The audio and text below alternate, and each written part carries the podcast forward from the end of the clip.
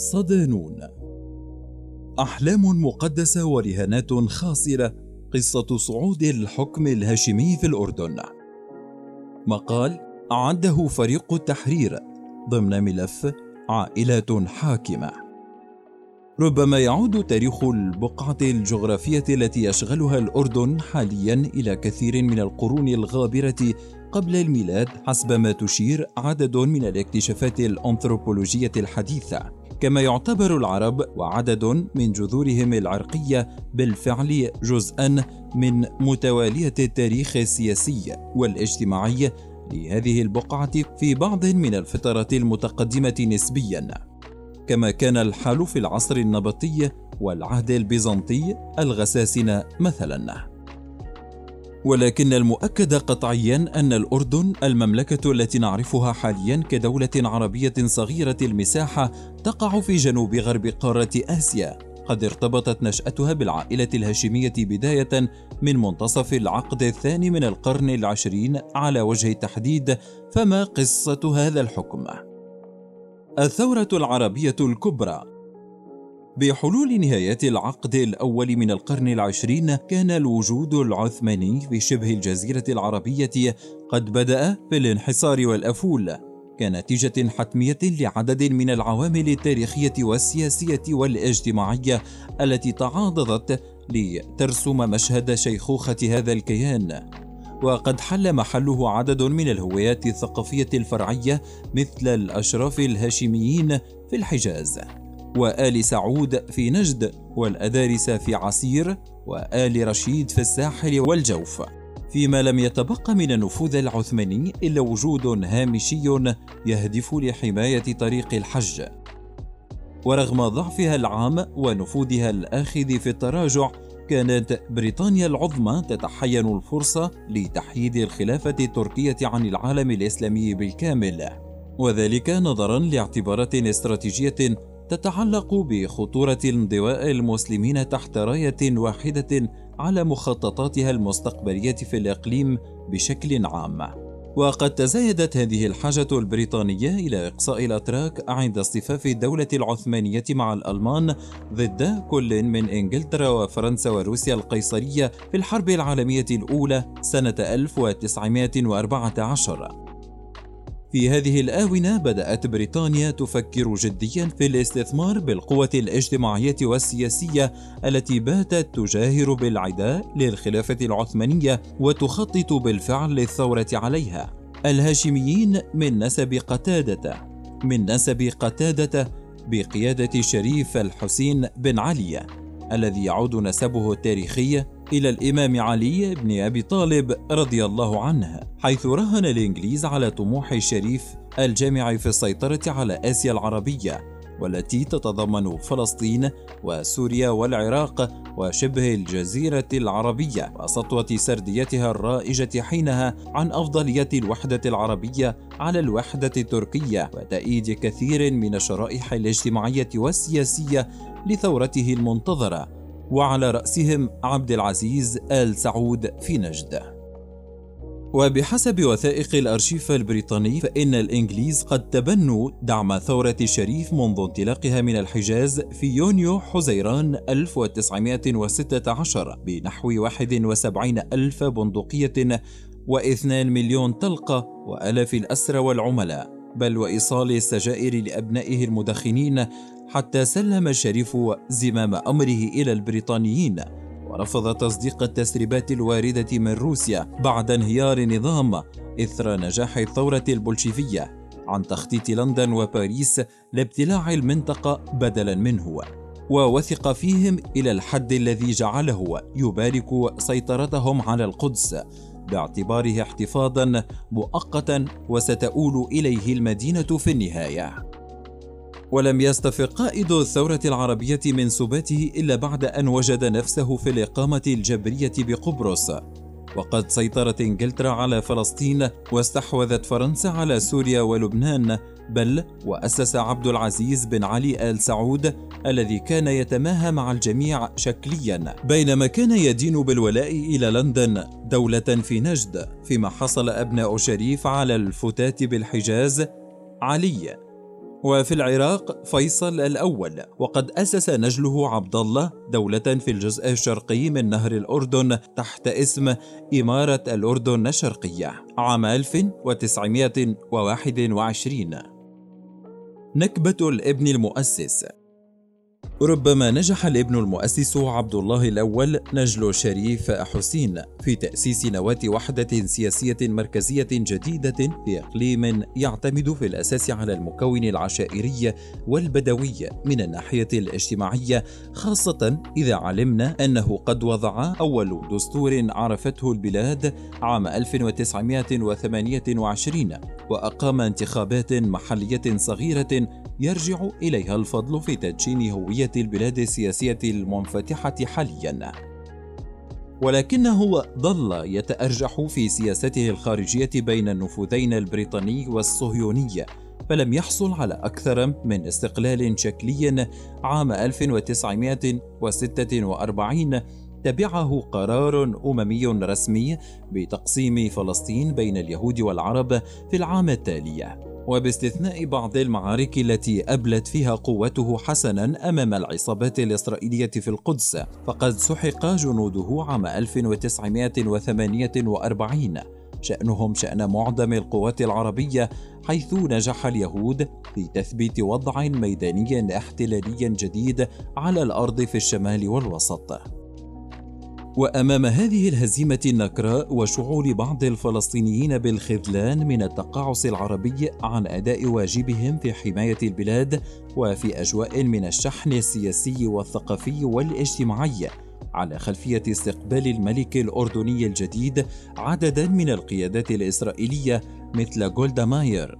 اغتيل عبد الله الأول أثناء دخوله للصلاة في القدس يوم الجمعة عام 1951 على يد أحد الشباب الفلسطيني حيث كان برفقته وقتئذ حفيده الصغير الملك حسين. وقد مثلت هذه الحادثة نقطة سوداء في تاريخ العلاقات الأردنية الفلسطينية ومشهدا فارقا في خيال الحفيد الصغير. حسين بن طلال ملك الصدفة. في الوقت الذي تعرض خلاله الابن المؤسس للاغتيال كان ولي العهد الأردني الأمير طلال في رحلة علاجية بالخارج حيث كان يتداول آنذاك خبر إصابته بمرض نفسي مزمن. لذلك كان من الطبيعي أن يدفع بشقيقه الأصغر الأمير نايف إلى السلطة خاصة أنه كان مستعدا لذلك من الناحية النفسية. وقد حمل بالفعل من الملك عبد الله وصية ضمنية تفيد بتولي الأكثر صلاحية سلطة الحكم تمهيدا لإعلان الوحدة مع الملكية الهاشمية التي كان يتولى حكمها أبناء عمه في العراق. ومع ذلك فلم تكن فجائية موت الملك ومرض طلال وجهوزية نايف المدعوم عراقيا ومن بعض وحدات الجيش للحكم وصغر سن نجل الأمير طلال الأكبر حسين اسبابا كافية لإرضاء النزق البريطاني السعودي الذي قرر أن يدفع بطلال المريض إلى الحكم مؤقتا لحين اكتمال نجله الذي كان يدرس في أكاديمية ساندهيرست السن القانونية للحكم وهي 18 ربيعا وهو ما حدث بالفعل.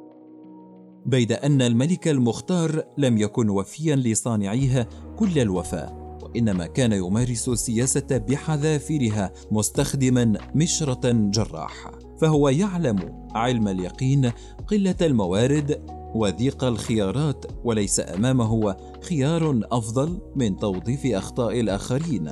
يريد الملك حماية دولته الوليد وإرث أجداده الهاشميين. ولكنه ملك بلا جيش. فالجيش بريطاني من الألف إلى الياء تقريبا ويتربص به أعداء خارجيون مدعومون من الغرب وقد عاد لتوه مهزوما أمامهم. ويستنجد به منهم في نفس الوقت أشقاء مقهورون. استنادا كان يعتبره ابتزازا في بعض الأحيان. وبين هذا وذاك كان قلقا من المد القومي الناصري المتأثر بالشيوعية التي يضطر مجبرا للتعامل معه تحت مظلة العلاقات العربية. استطاع الملك بعد ثلاثة أعوام فقط أن ينهي الهيمنة البريطانية على الجيش عبر تنفيذه مخططا وطنيا للإطاحة بالجنرال كلوب. مستغلا نهاية مدته القانونية وغضب الضباط الأحرار من وجوده وشرع في تعريب الجيش مستعينا بخاله ناصر بن جميل وصديقه زيد بن شاكر وبعض الحرس القديم. ولكن تيار القومية العربية الجارف كان أعلى من قدراته فخسر الرافد الملكي الهاشمي بالعراق على يد الضباط الأحرار. عبد الكريم قاسم وعبد السلام عارف الذين قادا مجزرة وحشية في آب أغسطس 1958 انتهت بمقتل العائلة الهاشمية كلها في قصر الروضة وعلى رأسها الملك فيصل الثاني والأمير عبد الإله ولي العهد ولم تنجو منها إلا الأميرة بديعة ابنة الملك علي. وقد دفعت عوامل مثل مخاوف الملك حسين على السلطة وتحركات ناصر الداعمة لانفصال الفلسطينيين عن الأردن عبر بوابة منظمة التحرير وشعارة القومية العربية واستنفار المعارضة الفلسطينية المسلحة ضد الإسرائيليين بعد نكسة حزيران 1967 انطلاقا من الأردن. ثم انخرط نفس المقاومة في مشاريع سلام عقب حرب تشرين 1973 إلى تبني الملك الأردني خطا تقاربيا سريا مع الاحتلال وصلت ذروته في عهد رئيس الوزراء الإسرائيلي إسحاق رابين الذي وقع معه معاهدة وادي عربة في تشرين الثاني 1994 بعد إعلان فك الارتباط بين الأردن وفلسطين عام 1988 وفي سبتمبر أيلول من العام الحالي حذف مركز أبحاث الأمن القومي الإسرائيلي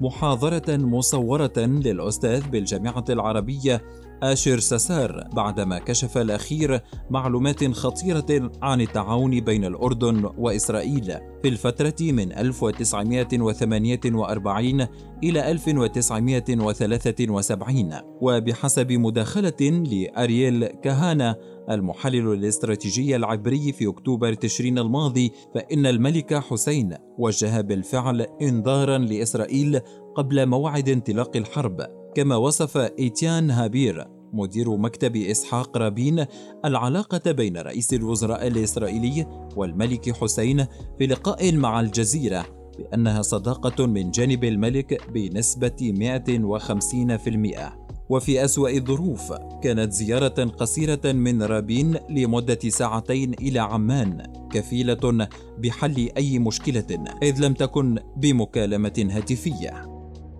عبد الله الثاني. توفي الملك حسين بن طلال في فبراير شباط 1999 بعدما أنهكه السرطان والسياسة وقد كان بديهيا في ذلك التوقيت أن ينتقل الحكم بسلاسة إلى ولي العهد شقيقه الأصغر الأمير حسن بن طلال الذي ظل يشغل هذا المنصب لمدة 33 عاما وحتى أيام قليلة قبل وفاة الملك. لا أحد يعلم ما الذي حدث على وجه التحديد كي تنتقل ولاية العهد والسلطة من جيل إلى جيل بهذه السرعة وبهذا الشكل المفاجئ ولكن المرجح أن تنسيقا اسرائيليا اردنيا عالي المستوى قد تسبب في هذا التحول وقد نجح الملك حسين في إخراج مشهد انتقال ولاية العهد إلى ابنه عبد الله بشكل لا يظهر منه أي توتر أو اضطراب في الأفق حيث حضر الملك حسن نفسه مراسم التسليم التي أشرف عليها الملك وعلى وجهه ابتسامة راضية. وبالنظر إلى كون الأردن بلدا مستقبلا صغير الحجم ضعيف الموارد فقد نجح الملك عبد الله الثاني في إدارة البلاد بأقل الخسائر الممكنة وتجنيب شعبه الهادئ ويلات الحروب والاضطرابات بدءا من اجتياح العراق شرقي الأردن عام 2003 مرورا بالكساد العالمي في 2009 ووصولا إلى موجة الربيع العربي. والأزمة السورية والإرهاب المعولم بل ويعتبره بعض المراقبين ساعيا بقوة إلى التحول من زبون سياسي إلى شريك سياسي خاصة بعد تراجعه عن الانخراط في الحلف الرأسمالي الخليجي المحاصر لقطر في 2017 واتخاذه خطوات جادة في سبيل تطبيع العلاقات معها وتوطيد علاقته مع تركيا. ومع ذلك يعيش الأردن واحدة من أصعب فتراته السياسية والاقتصادية فالاحتجاجات الاجتماعية الواسعة على غرار الدوار الرابع وثورة المعلمين وغاز العدو احتلال تفور بين الحين والآخر والحكومات التي دأبت تمتص الصدمات نيابة عن الملك عاجزة عن إحداث تغييرات هيكلية في الاقتصاد الوطني حيث يعتبر الأردن واحدة من أعلى دول العالم إنفاقا على الأمن بنسبة تصل إلى 4.8% في نفس الوقت الذي يعد واحدا من أغلى بلاد العالم في تكلفة المعيشة قياسا على الدخل وبحسب إحصائية عالمية متعلقة بالثروات في 2016 فإن عدد المليونيرات في الأردن يقدر ب 6300 شخص.